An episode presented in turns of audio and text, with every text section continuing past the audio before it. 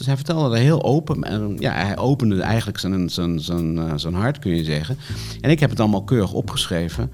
Uh, maar niet beseffen dat hij, ik, ik ongeveer de eerste was, kennelijk, aan wie hij dat allemaal vertelde.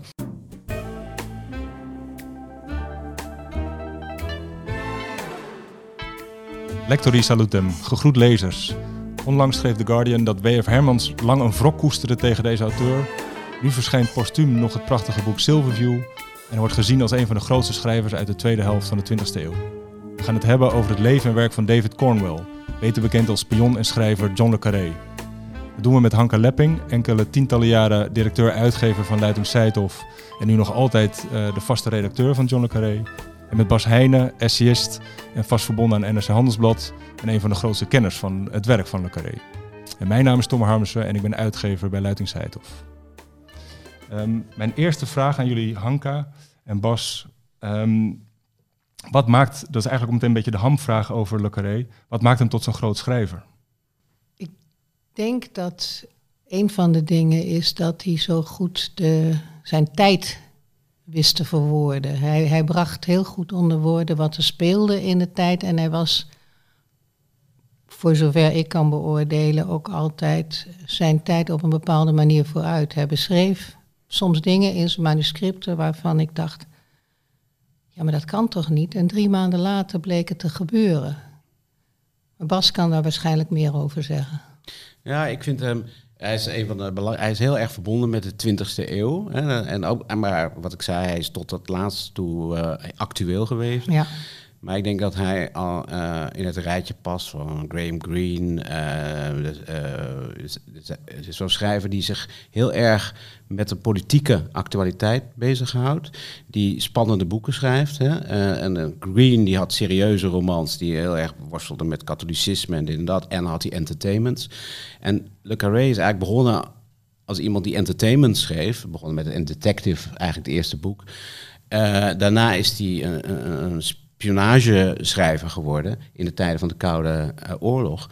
En, uh, maar gaandeweg uh, werd wel duidelijk, bij hemzelf denk ik ook, omdat hij steeds serieuzer werd, en, maar ook bij, bij zijn publiek, dat hij eigenlijk via die entertainment, die lichte vorm van het spannende boek, zeg maar, hele grote thema's aanroerde. Dus niet alleen de actualiteit heel erg pakte van de Koude Oorlog en daarna eigenlijk die versplintering die plaatsvindt. En dan zie je eigenlijk die, die, die, onder, die chique onderwereld, die bovenonderwereld van uh, wapenhandel, uh, medicijn. Uh, Big Pharma, ja. Big Pharma, al die grote thema's die, die in die nieuwe versplinterde wereld opduiken, die pakte die ook moeiteloos tegen elke verwachting in.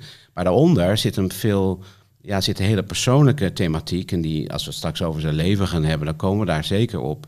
Over thema, persoonlijke thema's die die ook een soort resonantie kon geven naar de lezer toe over hun eigen leven, over uh, wat is authentiek, waar zet je je voor in, uh, wanneer ben je niet meer authentiek terwijl je steeds maar doet alsof je het wel bent, wat is verraad, wat is als je je commit, als je je toewijdt aan een zaak, wat, wat als die zaak plotseling niet meer de moeite, of al die tijd al niet de moeite waard was. En dat zijn die onzekerheid, die angst, er zit heel veel existentiële angst in het boek, claustrofobie, zeker in de eerste periode. Um, dat zijn eigenlijk die thema's die, die, die hem tot, tot, uh, tot de literatuur uh, laten behoren. En die ook in die zin heel aantrekkelijk zijn. Want hij is altijd een, een bestseller gebleven, hè, al zijn hele ja. leven. Met, dus hij is altijd een populaire auteur geweest. Maar die door zijn, veel van zijn vakgenoten ook heel serieus werd genomen. En toen hij stierf voor, vorig jaar, was die ook, werd ook gezegd van... ja, is een van de grote van de 20e eeuw. En en dat, denk, dat vind ik ook zijn, zijn beste werk. En hij heeft natuurlijk veel geschreven. Hè. Dat is voor grote schrijvers altijd een beetje gevaarlijk. Want er zitten natuurlijk altijd een paar boeken bij die wat, uh, wat, wat minder zijn. Maar zouden we zeggen, als je zijn, zijn hoogtepunten uh, eruit haalt, dan heb je wel echt een magnifiek oeuvre. Ja, en het is, ik vind het ook heel interessant dat, dat hij heel lang die thematiek van de Koude Oorlog had. Hij is begonnen als, als, als een soort detective schrijver. Ja. Hij had twee detective-achtige boekjes bij uitgeverij Seidhof in de jaren, begin jaren 60. En toen kwam zijn derde boek, Spion aan de muur. En dat was, nou ja... Spy who came, from, the Spy Who Came In From The Cold over de, de, de Berlijnse muur. En dat is een vreselijk groot succes geworden. Zo verschrikkelijk groot dat hij bijna de weg kwijtraakte. Maar Oh, daar kunnen we het later bijna, over. ja, ja. Helemaal de weg kwijtraakte Ja, eigenlijk. Dat blijkt uit zijn biografie. Maar hij is vanaf die tijd is die, is die de Koude Oorlogschrijver eh, geworden. Toen zei iedereen, nou, eh, dat, eh, als die Koude Oorlog een keer voorbij is, dan heeft die man geen thema's meer. En het aardige was, hij schrijft in 1987, 86, 87 schrijft hij A Perfect Spy, wat zijn heel persoonlijke boek is, hè, wat, waarmee hij eigenlijk afrekent met wat demonen uit zijn verleden op een bepaalde manier, in romanvorm, in thrillervorm. En vervolgens schrijft hij, eh, dan, dan krijg je per, eh, glasnost en perestroika. En hè, de, de, het, het ijzeren gordijn verkruimelt. En dan gaat hij. Dan schrijft hij eigenlijk de eerste post-glasnost perestroika thriller. The Russia House. Ja. Het Ruslandhuis. Enorm succes geworden, groot verfilmd enzovoort. En daarna gaat hij, merk je dat hij zich over andere dingen ook gaat opwinnen. En dan krijg je, zoals Bas zei, dan krijg je die boeken waarin hij zich ook echt kwaad gaat maken. Voor die tijd is hij minder kwaad. Ja. Hij, hij is veel afstandelijker. Maar als hij eenmaal heeft afgerekend met dat verleden, gaat hij boeken schrijven waarin hij echt de, de, de misstanden in de wereld gaat Ja. aanpakken. En dat vind ik een heel interessant. Dan wordt het ook gegeven. heel erg geëngageerd en soms ook wel heel erg geëngageerd. Maar dan, hè, want de schurken, die zijn dan ook echt wel schurken. Maar hij heeft altijd een eh, heel zuiver gevoel gehouden voor bepaalde milieus waarin, laten we zeggen, de moraal eh, gecorrumpeerd raakt. En, en dat is, gaat denk ik terug. En daardoor voel je dat ook in die latere boeken nog wel op zijn eigen dubbelhartigheid. Want hij is opgegroeid in een, in een milieu van... Zijn vader was een notoire bedrieger. Iemand die alles bij elkaar loog. oplichter, En- ja. en, en alles bij elkaar loog. Dus hij kwam in een wereld waarin eh, alles waar, waar je in gelooft, normaal geloof je, nou niet altijd, maar in je, in je, in je vader, hè, dat is toch een figuur die jou in het leven eh, staat voor iets. En als dat blijkt niet waar te zijn, en later bleek, het was hij op eh Eton, hè, is die, heeft hij gezeten, Nou, dan heeft hij lesgegeven. geen Hij zat op twee andere Ja, kostscholen. Maar hij kwam, werd dus op dure kostscholen gezet. Maar ook daar, hij was natuurlijk... Zijn vader was gewoon een crook. eh, maar hij zat in een soort milieu, wat, wat natuurlijk eh, eh, het establishment milieu. En in Eton heeft hij later lesgegeven. en dus maar- die weggegaan. Het is, en tegen mij, ik heb hem drie keer geïnterviewd in, en één keer aan de telefoon. Dus vier keer in totaal. Dus, ik heb geen schrijver zo vaak gesproken. En hij zei tegen mij, ik ben weggegaan in Eton... eh, niet uit walging voor die hiërarchie van het strafgeven en die, die hele waar, dat waardestelsel waar ik niet in geloofde, maar ook dat vernederen van mensen, hè, wat we nu bij het koor zien eh, weer de afgelopen. Die, die tendens van mensen als ze in een kleine gesloten gemeenschap zit om die ander dan eigenlijk te vernederen. Ik ben niet weggegaan omdat ik het zo erg vond, ik ben weggegaan omdat ik het zo lekker vond. Oh, en ja? dat vond ik, eh, en kijk, dan heb je een soort spanning in een schrijver, dat hij zich zijn eigen neiging tot verraad, hij is spion geweest, dus eh, op een bepaalde manier heeft hij die wereld van zijn vader, die dus helemaal onecht was, en die wereld van het establishment, waar hij ook doorheen keek, hij zag ook dat hij zelf daar op een bepaalde manier, eh, en ook die later die spionage, dat hij daar deels natuurlijk doorheen zag, en ook dat hij daar eh, een hard oordeel over had, deels ook omdat, het, omdat hij heel veel in zichzelf herkende. En dat maakt een schrijver literair, dat hij niet dus, als hij alleen maar pamfletten had geschreven tegen de verwoording van Engeland of tegen de verwoording eh, van de Koude Oorlog dan was het een, een pamfletist geweest. Maar juist omdat hij die, die ambivalenties in zichzelf en ook zijn eigen neiging tot ge- geheimen, tot eh, en jij, jij schrijft op, eh, jij zei net, hij is nou, dat is grote succes van de Spy Who Came In From The Cold, eh, spion aan de muur, is die, is die de weg kwijtgeraakt. Ja, waar zat dat in? Wat gebeurde er? Nou, Hij ging scheiden, alsof zijn huwelijk liep, voor- liep Allemaal voor- verhoudingen, totaal op de knippen. Hij had allerlei verhoudingen, zelfs met de vrouw van zijn beste vriend. Het- Hij ging Oh ja. te veel drinken. Hij heeft toen een boek daarover ook geschreven, The Naive and Sentimental Lover, Oh ja. wat zijn enige, niet... eh, nou ja, niet thriller, ik zou zijn andere boek ook niet thriller eh, noemen, maar dit, dit is het boek waar, waar geen, eh, eigenlijk geen spionnen in voorkomen, behalve dat iedereen elkaar bedriegt. ja. Het is een vrij treurig boek. Ja, en, dan, en, dan, en toen en het schrijven heeft hem. En uiteindelijk heeft dat schrijven hem toch weer, weer Ja. gered. En daar geloofde hij heilig in. Eh, wat ik zei, want ik heb hem dan drie keer gesproken, en steeds met tussenpozen van jaren en jaren. En elke keer uh, zei hij van, ja, ik heb het gevoel dat ik pas op, nu pas op de top van mijn kunnen ben. En ik wil, voordat ik doodga, wil ik nog drie of vier, wil ik nog een paar hele goede boeken schrijven. En het laatste interview, toen vroeg ik hem, goh, maar je hebt nu zoveel, of u heeft nu zoveel gedaan. Uh, ja, je kunt ook met uw vrouw uh, uh, in uw Zwitserse chalet, dat had hij geloof ik ook, en ja, lekker naar de bergen kijken met een goed glas. En bedoel, wat, wat, wil je nog meer? Maar het, en toen geantwoordde hij, zeg maar, dat schrijven is mijn reden van bestaan. Zonder dat schrijven, en hou vast, zonder dat schrijven ben ik niks meer. En, en je kreeg ook het gevoel dat als hij stopte met schrijven, dat hij ook meteen dood zou neervallen. Ja. ja en, en dat, dat, dat, dus dat, en ik denk dat hij zelf geleerd heeft. Hij is niet zo begonnen. Hij beschreef gewoon, dat heeft, heeft hij ook uh, gezegd, van hij werkte voor de geheime dienst. En had hij John Bingham was geloof ik zijn baas. En, ja, en die schreef gewoon in zijn vrije tijd detectives. schreef ja. detectives. En zei ja, die waren eigenlijk nog best goed. Dus dat ben ik eigenlijk ook gaan doen. Ja. Maar later, dus hij heeft zijn eigen werk ook steeds serieuzer leren nemen. En eigenlijk pas na die moeilijke periode die Hanka beschrijft, gezien dat hij, uh, dat hij niet alleen maar dat hij er niet alleen maar een soort entertainment of dat hij er geld mee kon verdienen, maar dat het eigenlijk een noodzaak voor hem was. En dat is eigenlijk nooit meer weggegaan.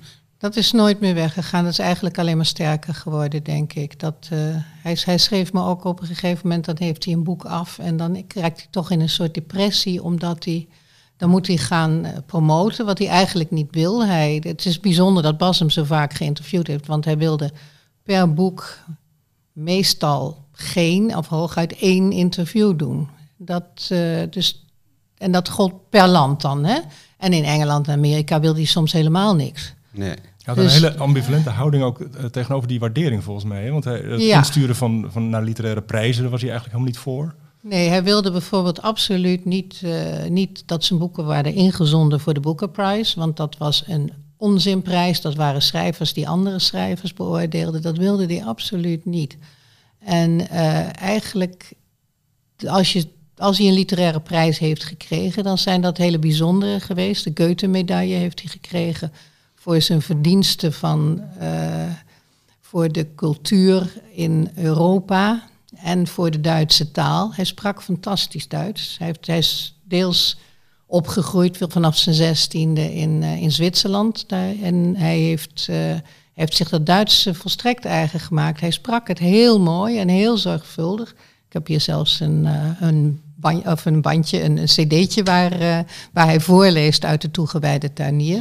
Maar dus die prijs, die, die, die uh, maar dat past ook wel bij de man. Dus dat alles wat eigenlijk opsmuk of wat eigenlijk aan zijn buitenkant was, of niet essentieel, of wat eigenlijk uh, wat, wat zegt, van, van belangen aan elkaar hing, ja. dan was hij, het was een hele warse man. Maar het grappige was dat hij, uh, de eerste keer dat ik hem interviewde, dat heb ik volgens mij aan Hanka te danken. Want toen was hij voor iets anders in Nederland en uh, was niet officieel, niet voor. Nee. En toen had, heb ik hem met hem in het ambassadehotel ontmoet. En ik dacht, oh, dit is wel. En ik, hij heeft van foto's, maar hij leek eigenlijk helemaal niet. Hij was toen best wel, best wel rond, hè, om te zeggen, zoals de Fransen zeggen. Hij was best wel, uh, best wel dik. Een beetje een point. Ja, ik vond hem ook veel meer een, een Engelsman dan een beetje dat haviksachtige hoofd wat je vaak op die foto's ziet.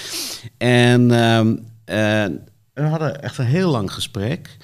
En wat ik toen nog niet zo besefte, dat was, dat was eigenlijk heel grappig. Uh, dat hij, kennelijk was er een klik, maar dat, dat zei hij niet of zo. Maar op een gegeven moment vertelde hij dus, uh, dus was in 99 en toen vertelde hij over zijn werk als spion in, uh, voor MI5 en MI6 heeft hij allebei voor gewerkt. En dat was natuurlijk uh, algemeen wel werd dat vermoed en was het eigenlijk wel duidelijk. Alleen hij zelf had dat nog nooit gezegd. Alleen ik wist het niet, want hij vertelde erover als een soort van, ja, dat weet iedereen. Dat toen ik daar, toen was ik in dienst daar, en toen was ik daar en die wereld dat. En het heeft met mijn vader te maken. Dan ben ik gevlucht in die wereld waar ook alles aan, van leugens en bedrog en, en geheimen aan elkaar hing. Dus hij vertelde er heel open. En ja, hij opende eigenlijk zijn, zijn, zijn, eh, zijn hart, kun je zeggen. En ik heb het allemaal keurig opgeschreven. Uh, maar niet beseffen dat hij, ik, ik, ongeveer de eerste was, kennelijk, aan wie hij dat allemaal vertelde. On the record. Uh, ja, dus ik heb het heeft keurig in de NRC Handelsblad gestaan. Um, maar twee jaar later uh, kwam plotseling, kwamen allemaal berichten in de Engelse pers. Eindelijk geeft John le Carré toe, hij is spion geweest. Dat wisten we allemaal wel, maar nu komt hij er echt vooruit.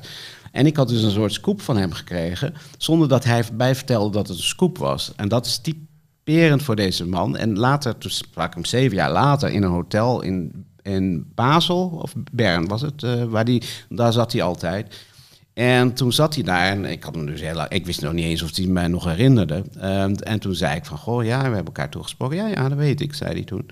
En ik zei, ja, en u, u heeft toen van alles verteld over uw leven zonder te vertellen dat, dat het een scoop was. En toen gaf hij alleen maar zo'n klein lachje. En dan wist hij dus precies, volgens mij nog heel precies wat hij gedaan had. Had hij gedaan. En, en dat was eigenlijk, tot het laatste gesprek, dat is uh, drie, vier jaar geleden, was er altijd een moment dat hij, dan moest hij even, uh, dan even voelen hoe het, of het allemaal wel klopte in het gesprek. En dan kwamen er vaak in bijzinnen kwamen er dan best wel onthullende uitspraken. Hij zei dus nooit, ik zal je iets vertellen.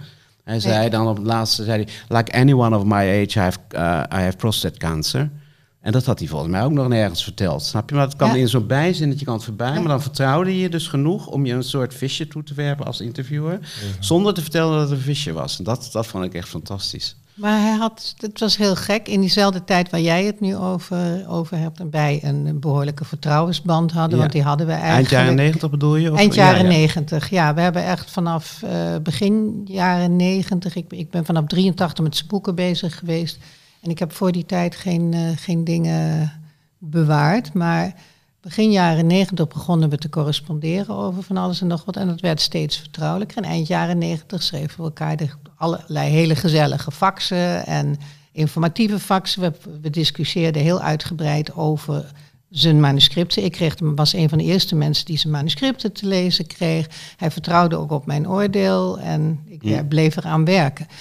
Maar in diezelfde tijd dat hij mij die hele aardige mail stuurde, liet hij zijn agenten vaak uh, de lelijke dingen voor hem opknappen. dus ik heb in diezelfde tijd, eigenlijk in dezelfde week waarin hij schrijft hoe blij hij is met al het werk wat ik aan de manuscripten doe, stuurt hij aan zijn agent, toen nog in, in Zwitserland, een bericht.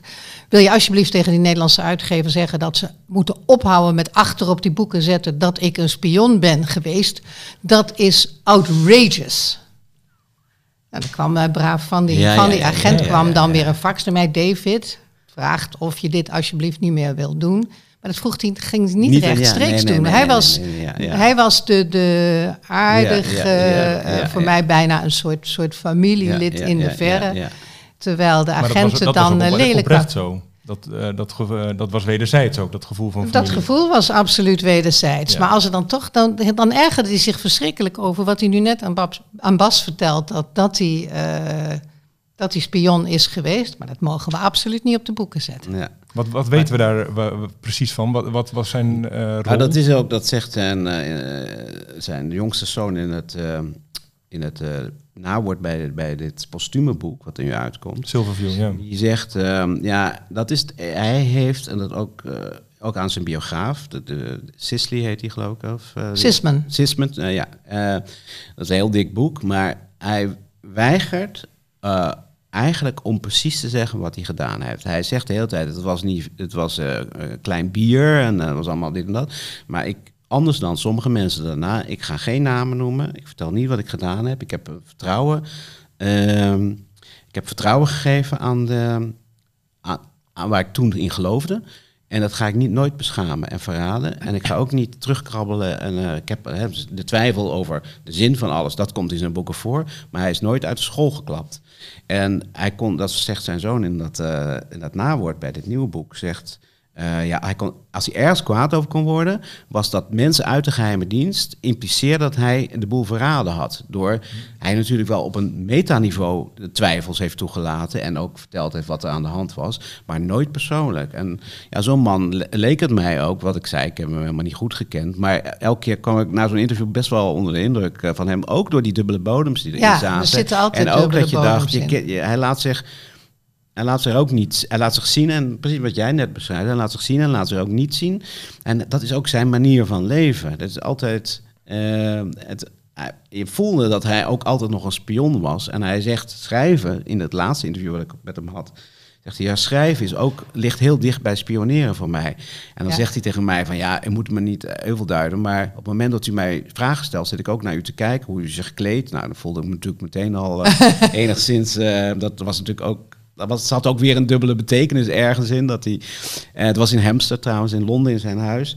Um, en dat hij zei ja, dan kijk ik hoe hij zich kleedt en hoe hij zich gedraagt en dit en dat. Dat, kan ik, dat doe ik ook op de, als ik in de bus zit met mensen. Dus ik kan dat, dat spioneren. Dat heeft ook te maken met mijn, met, met, met mijn schrijven. En dat, is, dat ligt door elkaars verlengde. En zo'n man was het. En ik denk ook dat hij, uh, en zoals jij dat ook beschrijft, denk ik, dat hij heel, en dat heeft ook met het Engels zijn en, en, en die geschiedenis van, van die vader te maken, dat hij heel lang moeite heeft gehad om zich direct emotioneel te uiten. En hij zegt ook in, ehm, in dat interview, zegt hij, ja, ik, ik, ik was een... Uh, mijn, zijn moeder is heel vroeg vertrokken uit huis. Dus hij, was op, hij is opgegroeid zonder vrouwen. Hij zei, ik kreeg de eerste echte knuffel toen ik elf jaar was van iemand. Ik heb daarvoor nooit, ben ik nooit geknuffeld. En ook dat gaf, gaf hij in zo'n zo'n bijzin weg. Uh, en ja, dat doet iets met je, zegt hij. En ik denk dat zijn hele, je kunt het ook zeggen, dat zijn hele oeuvre eigenlijk ook een gevecht is met zichzelf, met, met, die, met dat, die neiging waar, die ik net beschreef, met die, die dubbelhartigheid, dat geheim, het niet laten zien, niet direct zijn. En het verlangen om dat wel te zijn, zeg maar, om wel oprecht open uh, te zijn. En uh, dus dat, dat, voel, ik, voel ik in dat, dat voel je in die boeken ook. En daardoor zit er altijd een hoofdpersoon in. Meestal iemand die je er niet om gevraagd heeft. En die wordt geconfronteerd met, met een keuze van uh, wat doe je nu? Hè? Uh, of in, in relaties met mensen, met vriendschappen. Of in een, zaak, die politieke zaak. En dat gaat vaak dat de mensen waar hij mee opgroeit, zijn eigen milieu, dat hij moet kiezen tegen zijn eigen milieu. Dat gebeurt heel vaak. Je, moet, je moet moreel beslissing nemen, waardoor de mensen waar je eigenlijk gezellig mee omgegaan bent, die, die, die, jou, die jou mogen, die jouw baas zijn, dat je die moet uh, verraden, omdat zij een spel spelen wat niet door de beugel kan. Dus dat zijn vaak, maar dat ligt dus volgens mij heel dicht bij, uh, bij zijn persoonlijkheid. Maar op twee niveaus uh, zo te horen, zowel in, in privé, uit zijn jeugd, met zijn, met zijn, vooral met zijn vader dan, ja. en later in zijn werk. Ja. Dus op, op twee manieren ja. heeft hij daar een, een eh, een moeilijke band gehad, uh, kan je zeggen, nou, die, die je in zijn werk. Ja, maar dat is denk wat ik net zei, dat is wat natuurlijk literatuur maakt. Het ja. is, als het allemaal simpel zou zijn en dat het alleen maar een overtuiging is, zo van mensen moeten zich fatsoenlijk gedragen en oprecht zijn en authentiek zijn en niet laf zijn. Ja, ik bedoel, daar zetten we allemaal onze handtekening onder. Maar ja. juist als je bij jezelf ontdekt dat dat een heel opgave is, waardoor je soms mensen moet verraden, pijn moet doen en soms gewoon zelf een misstap hebt gemaakt. En, en dat zie je in dat late werk, uh, dat er steeds meer twijfel komt over die jaren dat hij spion is geweest, over uh, of dat eigenlijk wel een goede zaak is geweest en, en of het de moeite waard is geweest. En dat, dat, dat, dus er zijn heel veel terugkijkboeken, de laatste, en dit Silverview is er eigenlijk ook weer zo een, dat hij eigenlijk herneemt waar toen eigenlijk best wel de waardestelsel van, van de Koude Oorlog. Dat die, en, en daarna, en dit speelt dan later, maar die waarde van, van een soort, ja, van een, van een, een gemeenschap waar je dan echt in gelooft. Dat je later denkt, ja, maar heb ik niet geloofd in iets waar ik nu nooit meer achter zou kunnen staan? Of was het het wel wat het was? Of, uh, en dat zit in die, uh, in dat, uh, wat is het, twee laatste, na laatste boek is het inmiddels, die uh, Legacy of Spies, dat is heel erg. Ja, en dat, daarom, spion, daarom ja. zijn, denk ik, de, de lezers die weer, weer over Smiley willen lezen enzovoort, die weer in die koude oorlogsfeer komen, die komen ook wel een beetje van de koude kermis thuis, omdat die, hij, hij vraagt het ook weer opnieuw. Dus hij wil absoluut niet wat sommige schrijvers doen uh, als een heel groot succes hebben. In dit geval was het de Spy Who Came In van de Colt. En daar, naar die wereld keert hij dan terug. Uh, dat hij dan denkt van nou, ik ram er nog even een boek uit als een soort vervolg en dan, uh, nou, de kassa, weet je, juist omdat mensen... dat, nu kijkt hij er dat was het juist ja. niet, hè? Nee, hij wilde, hij wilde absoluut een echt boek schrijven, wat ook echt afrekent met, met die wereld waar, waar, waar die fans allemaal zo van houden. En, dat vond, dat, en hij zei, ik heb het ook niet herlezen, ik, uh, dat moet een boek zijn wat... Alleen hij was zelf steeds meer bezig met die wereld waar die eerste boeken uit voorkomen, om die weer tegen het licht te houden. En daarin gebruik, in, in dat boek heeft hij het ook over de betekenis van Europa voor Engeland. Ja, aan het eind. En aan ja. het eind is dat heel duidelijk. En dat is een van de dingen waar we nog wel op terugkomen, denk ik. Maar dat is. Nou, ik denk dat we dat nu ook kunnen zeggen. Hij was heel progressief. Hij was uh, heel fel tegen de Irak-oorlog. Echt, waar, dat was, hij was echt... Hij heeft meegelopen in een demonstratie voor een zo uh, afstandelijke Engelsman, althans dat was, ja. is dat, was dat heel bijzonder. Ja, en hij, hij won er geen doekjes om. Absoluut ook niet als het ten koste van zijn populariteit ging. Want hij werd toen op een gegeven moment tijdens in die Blair, toen Blair in Irak, toen werd hij echt natuurlijk aangevallen en gehaat. En hij was onvervoren daarin. En, ja. uh, uh, en ook later nog steeds, ook nu in dat, dit boek Agent Running in the Field, ook over Brexit. En, ehm, dus, hij, dus hij wond het geen doekjes om. En wat heel, voor sommige lezers heel lastig was, bijvoorbeeld Boris Johnson in een stuk in The Atlantic onlangs, wordt hij geconfronteerd met, met, de, met Carré's aanvallen op dat Britse establishment en, en die in zijn ogen gruwelijke brexit. En, uh, uh, en dan zegt Boris Johnson, die raakt helemaal... ja, maar ik ben een groot fan van, uh, van Le Carré... en ik ben juist de uitzondering op de wereld die hij beschrijft. Nou, dat, dat, dat kun je betwijfelen. Ik denk dat, dat David Cornwell in hoongelach zal worden uitgebarst. Maar zo zie je hoe hij natuurlijk die populariteit ook bij mensen die, uh, laten we zeggen, zijn opinies helemaal niet deelden. En hoe lastig dat is voor iemand als Johnson. Want dat, die, worden, die wereld van waar Johnson uit voor komt, wordt in die, uh, dit boek in de beklaagde bank gezet. Dus hij was. En, en soms, kijk, het probleem is als je heel uitgesproken bent, dat die boeken wat prekerig kunst zouden kunnen worden. Maar daar was hij toch te veel een, een soort uh, meester in zijn. Het enige waar ik hem soms op, op, het, op betrap is sentimentaliteit uh, ook indirect, hè? Nooit, het is nooit dat je. Maar dan, dan Waarover, gaat het meer over die goede zaak die hij bepleit en hoe mensen gefnuikt worden door die goede zaak. En dan, hè, als, als ze dan door de slechte rikken gevloerd worden, dan zie je vaak een soort, dan voel je wel een soort. Uh, dan is hij niet meer de afstandelijke. Uh, dan, dan zie je zijn betrokkenheid komt dan zo er doorheen dat je dat, dat kun je zeggen ja dat is dat is eigenlijk uh, niet zoveel zeer feel good als feel bad. In de zin dat hij dan heel erg die emotie aan het oproepen is van wat erg. Of, uh, En dan kan je zeggen, dat is, uh, dat is misschien, nou wat ik zei, op het sentimentele af.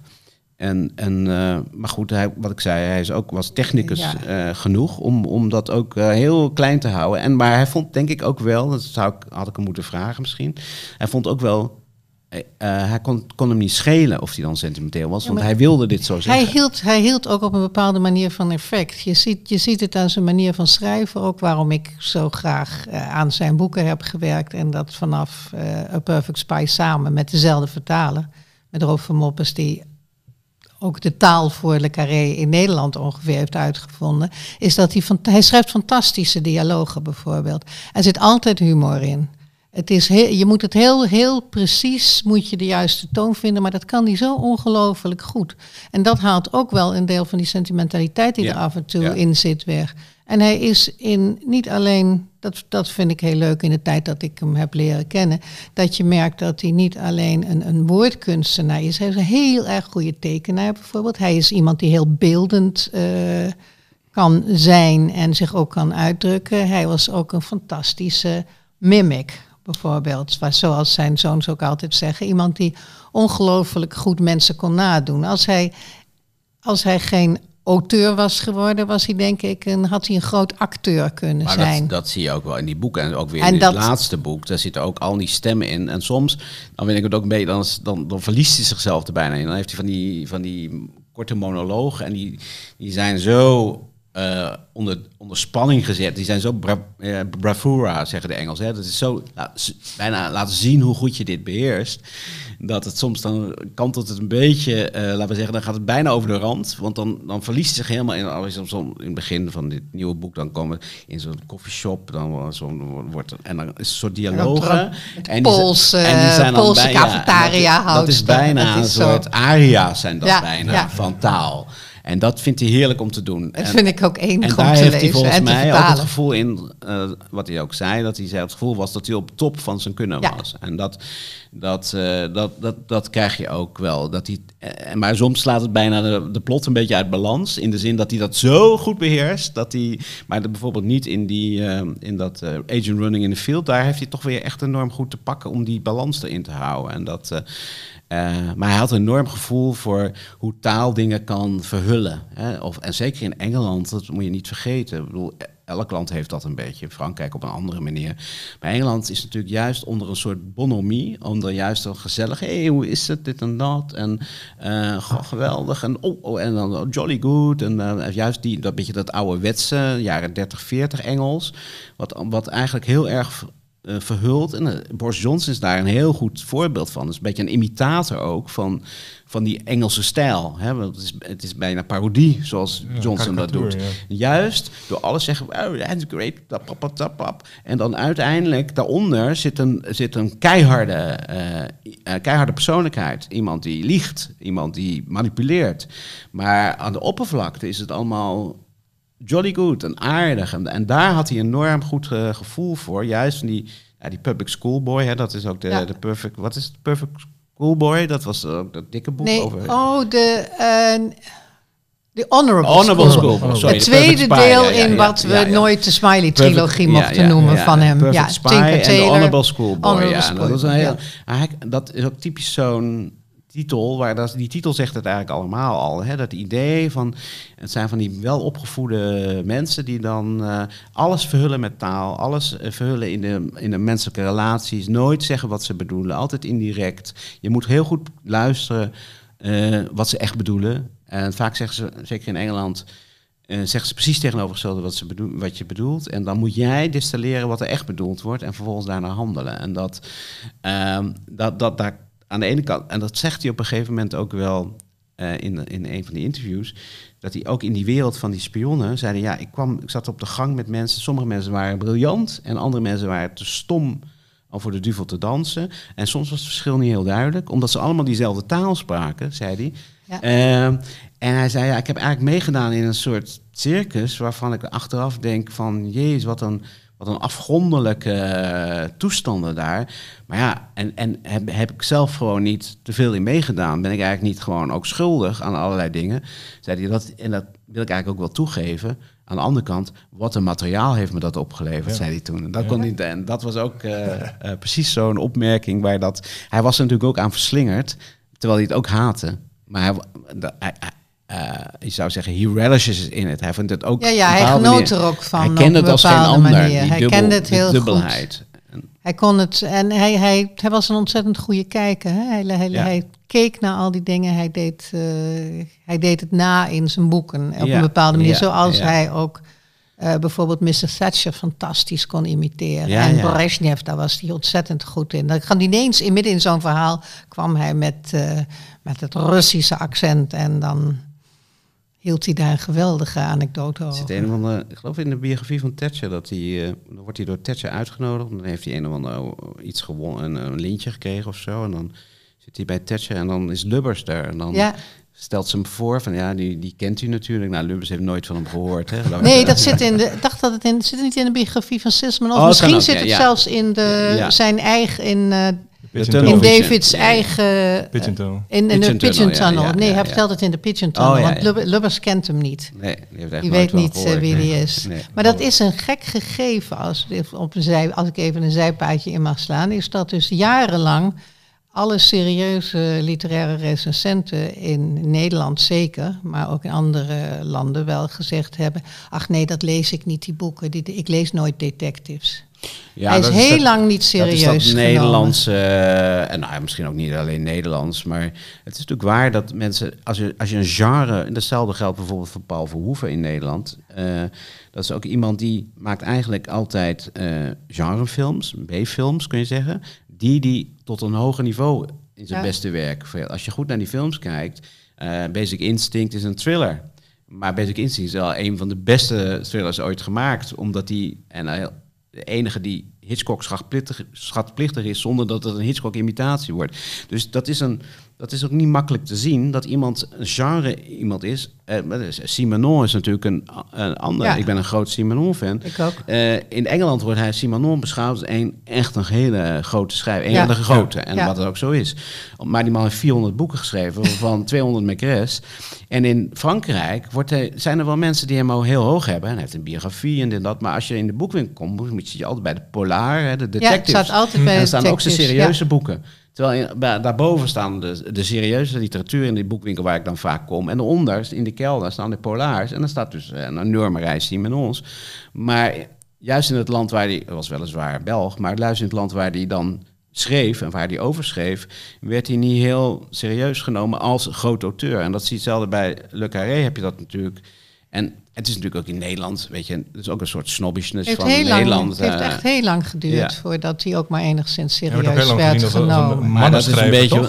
Mannen schrijven, detective schrijven, detective hebben ze nog Ja, maar dat is in Nederlands, uh, Nederlands die cultuur altijd als een sociale strijd. Dus je, je, aan de ene kant is de, de, de angst dat je je beter voelt dan een ander door iets, als je iets moeilijks leest.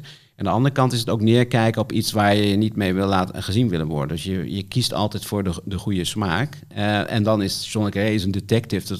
Net zoals mensen altijd zeggen bij vertalingen: oh nee, dat lees ik in het origineel. Ja. Terwijl uh, als je een hele goede vertaling hebt, kun je een boek misschien soms, in het geval van heel veel boeken, ook Engelse boeken, kun je die beter in de vertaling lezen, omdat de nuances van het Engels.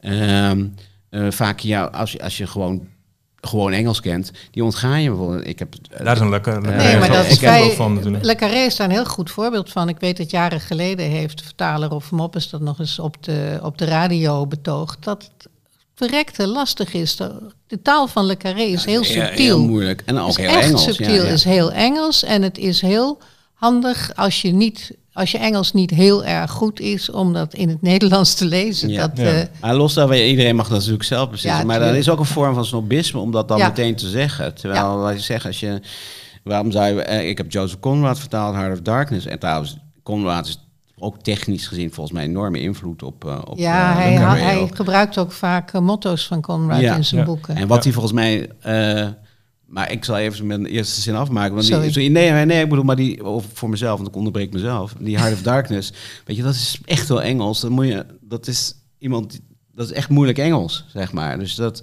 uh, een vertaling, en eh, in dit geval is het WC Eend, want ik heb het zelf vertaald, maar kan daar enorm bij helpen. Ja. Uh, wat hij volgens mij van Conrad geleerd heeft, uh, Le Carré, is het uitstellen van uh, dat, je, dat je niet recht toe A naar Z vertelt, maar dat je eigenlijk begint, begint bij P. En dan denk dat, als, dat doet hij in dat laatste boek ook weer, dat je met een situatie wordt geconfronteerd en, denk, en dan nog een situatie, nog een scène. En dat je denkt, wat hebben deze twee scènes nou met elkaar te maken? Wat, wat, wie is dit eigenlijk? En wat doet het er eigenlijk toe? En langzamerhand komt hij zo steeds door die buitenkant steeds meer naar binnen, komt, komt, wordt onthuld wat nou het echte verhaal is wat eronder zit. Al die ontmoetingjes op straat of het koffie drinken in de plaatselijke koffieshop of een jongen met een tweedehands boekwinkel in dit geval. En wat het, de relatie is met een of andere man die die tegenkomt die heel raar doet. Uh, en dan vervolgens krijgt hij iets meer over die man te weten. En dat is typisch Conrad, die dus steeds, uh, er geeft steeds iets en dan vervolgens pas uiteindelijk wordt het duidelijk wat het allemaal met elkaar te maken heeft. En dat doet hij in heel veel boeken. Ja, maar dat heb je nu, je zegt het net de jongen met de boekwinkel, dat is dat nieuwe boek Silverview. Ja, daar, zit, uh, ja, daar zit dat zo duidelijk in. Het is eigenlijk maar een heel kort boek, maar er zitten zulke kleine scènetjes in waarvan je denkt, hé, hey, waar komt die Billy ineens van door, vandaan? En dan op het eind weet je het weer precies. Maar het is eigenlijk, je krijgt een stukje hier en een klein stukje daar aangereikt. En ondertussen is het, is het niet storend, want het, het, het is allemaal heel onderhoudend. Maar je hebt het gevoel terwijl je, je leest. Bent gaan puzzelen, je, ja. Je, je, je gaat wel op een bepaalde manier puzzelen. En, maar het blijft ongelooflijk boeiend. Je denkt niet van dit zijn te veel stukjes. Ik wil nee, dit niet nou weet het, dat weet hij. En ik denk dat hij dat bedoelde. Zo dat hij zei gedaan. dat hij technisch op de top van zijn kunnen was. Ja. Dat, dat doet hij met een, wat ik zeg, met een soort bravoure. Zet hij dat allemaal uh, neer. En, en daar heeft hij ook zichtbaar uh, plezier in om dat allemaal zo. En dan zo langzamerhand. En veel meer dan mensen die elkaar achtervolgen met getrokken geweren. Uh, is dat wat de spanning opbouwt. Juist van, ja, maar. wat hebben deze mensen met, met, elkaar te maken? En wat, wat hadden ze vroeger met elkaar te maken? Ja. En waarom doen ze nu zo en nu zo? En wat doet die ene man daar die dus dan op het spoor is enzovoort? Dus dat, dat kan die. dat was dus tot het einde toe. kon hij dat heel goed. En, dit uh, boek Silverview, dat is nu net verschenen. Uh, hij heeft het al eerder geschreven. Ja, in 2014. Hoe, hoe zien jullie dat? Uh, hoe past het in, in het oeuvre van Le Carré? Het is, ik, ik las het in 2014 en bijna niemand heeft het toen gelezen, behalve zijn zoons, geloof ik, en ik. En hij heeft het heel snel teruggetrokken na, na een, een week. Het was een heel erg Le Carré. Het ging heel erg over de, de morele aspecten van spioneren. En ik denk ook heel sterk over je loyaliteit aan,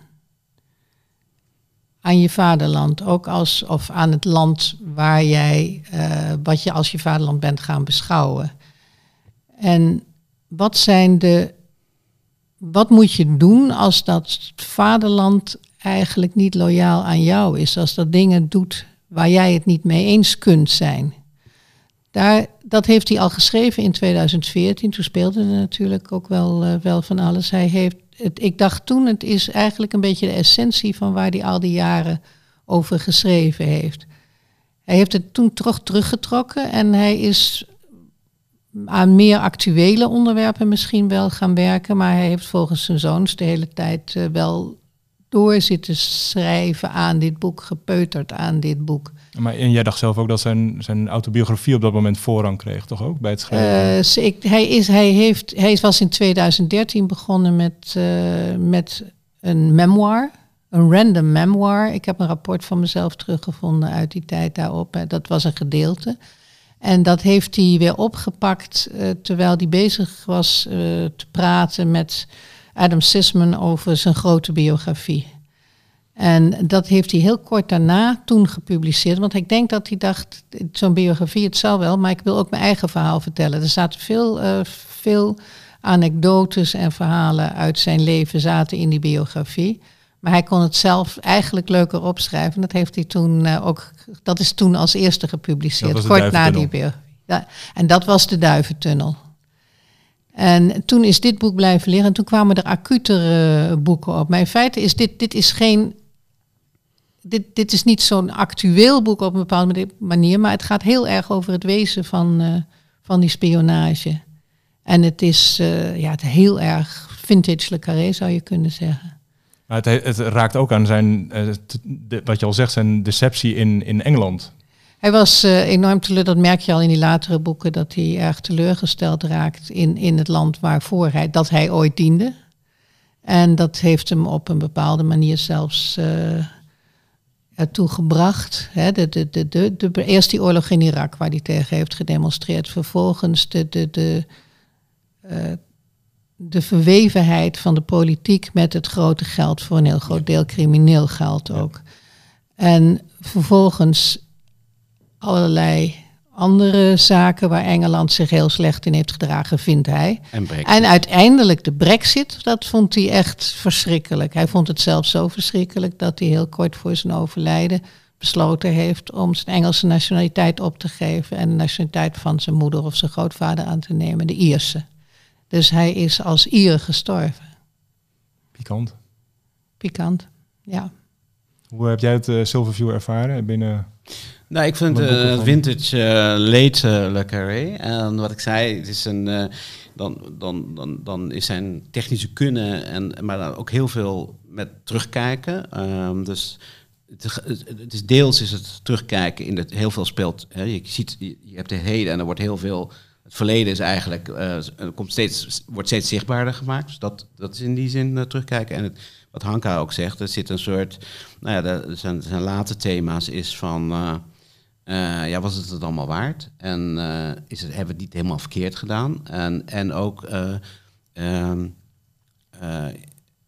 een soort gebrek aan geloof, wat uiteindelijk als je een organisatie hebt, wat hij in de Tweede Wereld of in de Koude Oorlog beschrijft, dat mensen eigenlijk wel allemaal in dat narratief geloofden van de communisme moet, is de vijand en moet verslagen worden. En dan heb je toch iets gemeenschappelijks. En dan wordt er gehakt en dan vallen Spaanders. En soms is het verraad. Hè, tekent, uh, Tinker Tailor Soldier Spy, dat gaat daar natuurlijk over. Dat de, dat de mensen uit de boot vallen of de, de zaak verraden. Maar die twijfel is dan nog niet zo heel groot, omdat je toch wel, ja, het communisme, ja, hè, het staat je ook naar het leven. Dus, dus daar was nog wel uh, legitimatie voor te vinden. En daar kan je later wel aan twijfelen, zoals in, wat hij gedaan heeft. Maar nu in, in, in die meer versplinterde wereld, waar dit zegt hij ook in de laatste interview, dat ja, niemand weet waar het gevaar van komt. En het gevaar kan dus ook, en dat zit, zit in dat boek daarvoor, Delicate Truth, is dat volgens mij ook al. Dat het gevaar zelf uh, kan ook je baas zijn. Of je, dus het begint op best wel parano paranoïde Of, of je regering. Ja, je, je, eigen regering. Je eigen regering. En, dus het is het idee dat je, en dat is, kijk, als je dat, laten we zeggen, literair uh, leest, dus in de zin van Kijk, bij boeken gaan altijd ergens over, maar ze gaan ook altijd over dingen die buiten de anekdote liggen. Dus uh, grotere thema's die je ook je eigen, op, je, op je eigen leven kunt betrekken. En dat is natuurlijk ook een wereld waarin we leven. Die polarisatie hebben we het steeds over. Van iedereen is, nee, maar wie. Het is vooral dat je andere uh, bestraffend toespreekt over hun dwalingen, maar waar je dan zelf precies in gelooft, behalve die kleine identiteit of een grotere gedachte. Kijk naar de, waar de politiek zich op dit moment, uh, welke crisis de landelijke politiek in Nederland zich in bevindt. En ook trouwens de Engelse. Enorme versplintering natuurlijk. Dus dat idee dat je niet meer, geen focus meer hebt, geen, geen, geen centrum meer hebt om je aan te committeren. Uh, en als je dat wel doet, dat je vaak gewoon met, met, uh, met, ja, in een soort schofterige uh, situatie terechtkomt. Dat is wat volgens mij in dit boek ook heel erg speelt. En, en, maar, en eigenlijk al, bijna al die laten, ook in, in, in dat boek uh, hoe heet het, Agents Running in the Field, daar, daar zitten al dit soort vragen in. En um, nou, ik vind dat hij dat met een, in al die late boeken toch wel met een, ja, ook daar zit weer een soort, hij probeert ook echt intellectueel eerlijk te zijn aan zichzelf. en niet te denken van, tot aan, ik denk ook dat hij, hij heeft altijd geprobeerd zijn schrijverschap uh, de actualiteit te volgen. Dus niet een of andere oude zak die nostalgisch terugkeek. Nee, helemaal niet. En hij probeert altijd modern te zijn. Dus ook gewoon, dat zie je in zijn moraal ook. Hè. Dat probeert ook, ja, dit gaat het ook. Dan is er iemand in dit laatste boek zorgt iemand voor jou. Weet niet of het, hij heeft een verhouding in het dorp, deze uh, verpleger. Maar weet niet of het een jongen of een meisje is. Ja, maar dat is uh, niet beleefd om naar te vragen. Maar hij laat dus ook wel zien dat hij modern is. En dat lukt hem ook wel, want dat is ook zo. Het laatste interview dat ik met hem had zeiden ja, immigratie, we moeten niet vergeten hoe, wat voor geweldige mensen hier zijn gekomen. En, hebben, en we have to keep mixing the blood. Nou, als je dat hardop roept in Engeland en ook in Nederland trouwens, dan, uh, dan, dan krijg je meestal een storm van hatelijkheid over je heen. Maar daar was hij heel uitgesproken in. Dus hij probeerde echt, echt actueel te zijn, in zijn, modern te zijn in zijn denken. Maar ook elke keer de authenticiteitsvraag aan zichzelf te stellen. Hoe authentiek ben je nog? Dus niet eh, op je lauwe rusten, niet achteroverleunen, scherp blijven kijken, niet alleen naar de wereld, maar ook naar jezelf. En dat heeft hij tot zijn eind, aan, tot aan het eind. En ik denk dat hij nog wel plannen had voor drie of vier romans, denk ik. Ja hij was uh, druk bezig met een boek. In oktober zei hij, ik hoop dat ik in de lente een nieuw boek heb. Zie je, ja, dat, dus dat hield hem aan Hij is in uh, december dat, overleden. Dus. Ja, en uh, ja, dat is jammer. Maar aan de andere kant hebben hij is 89 geworden, geloof ik.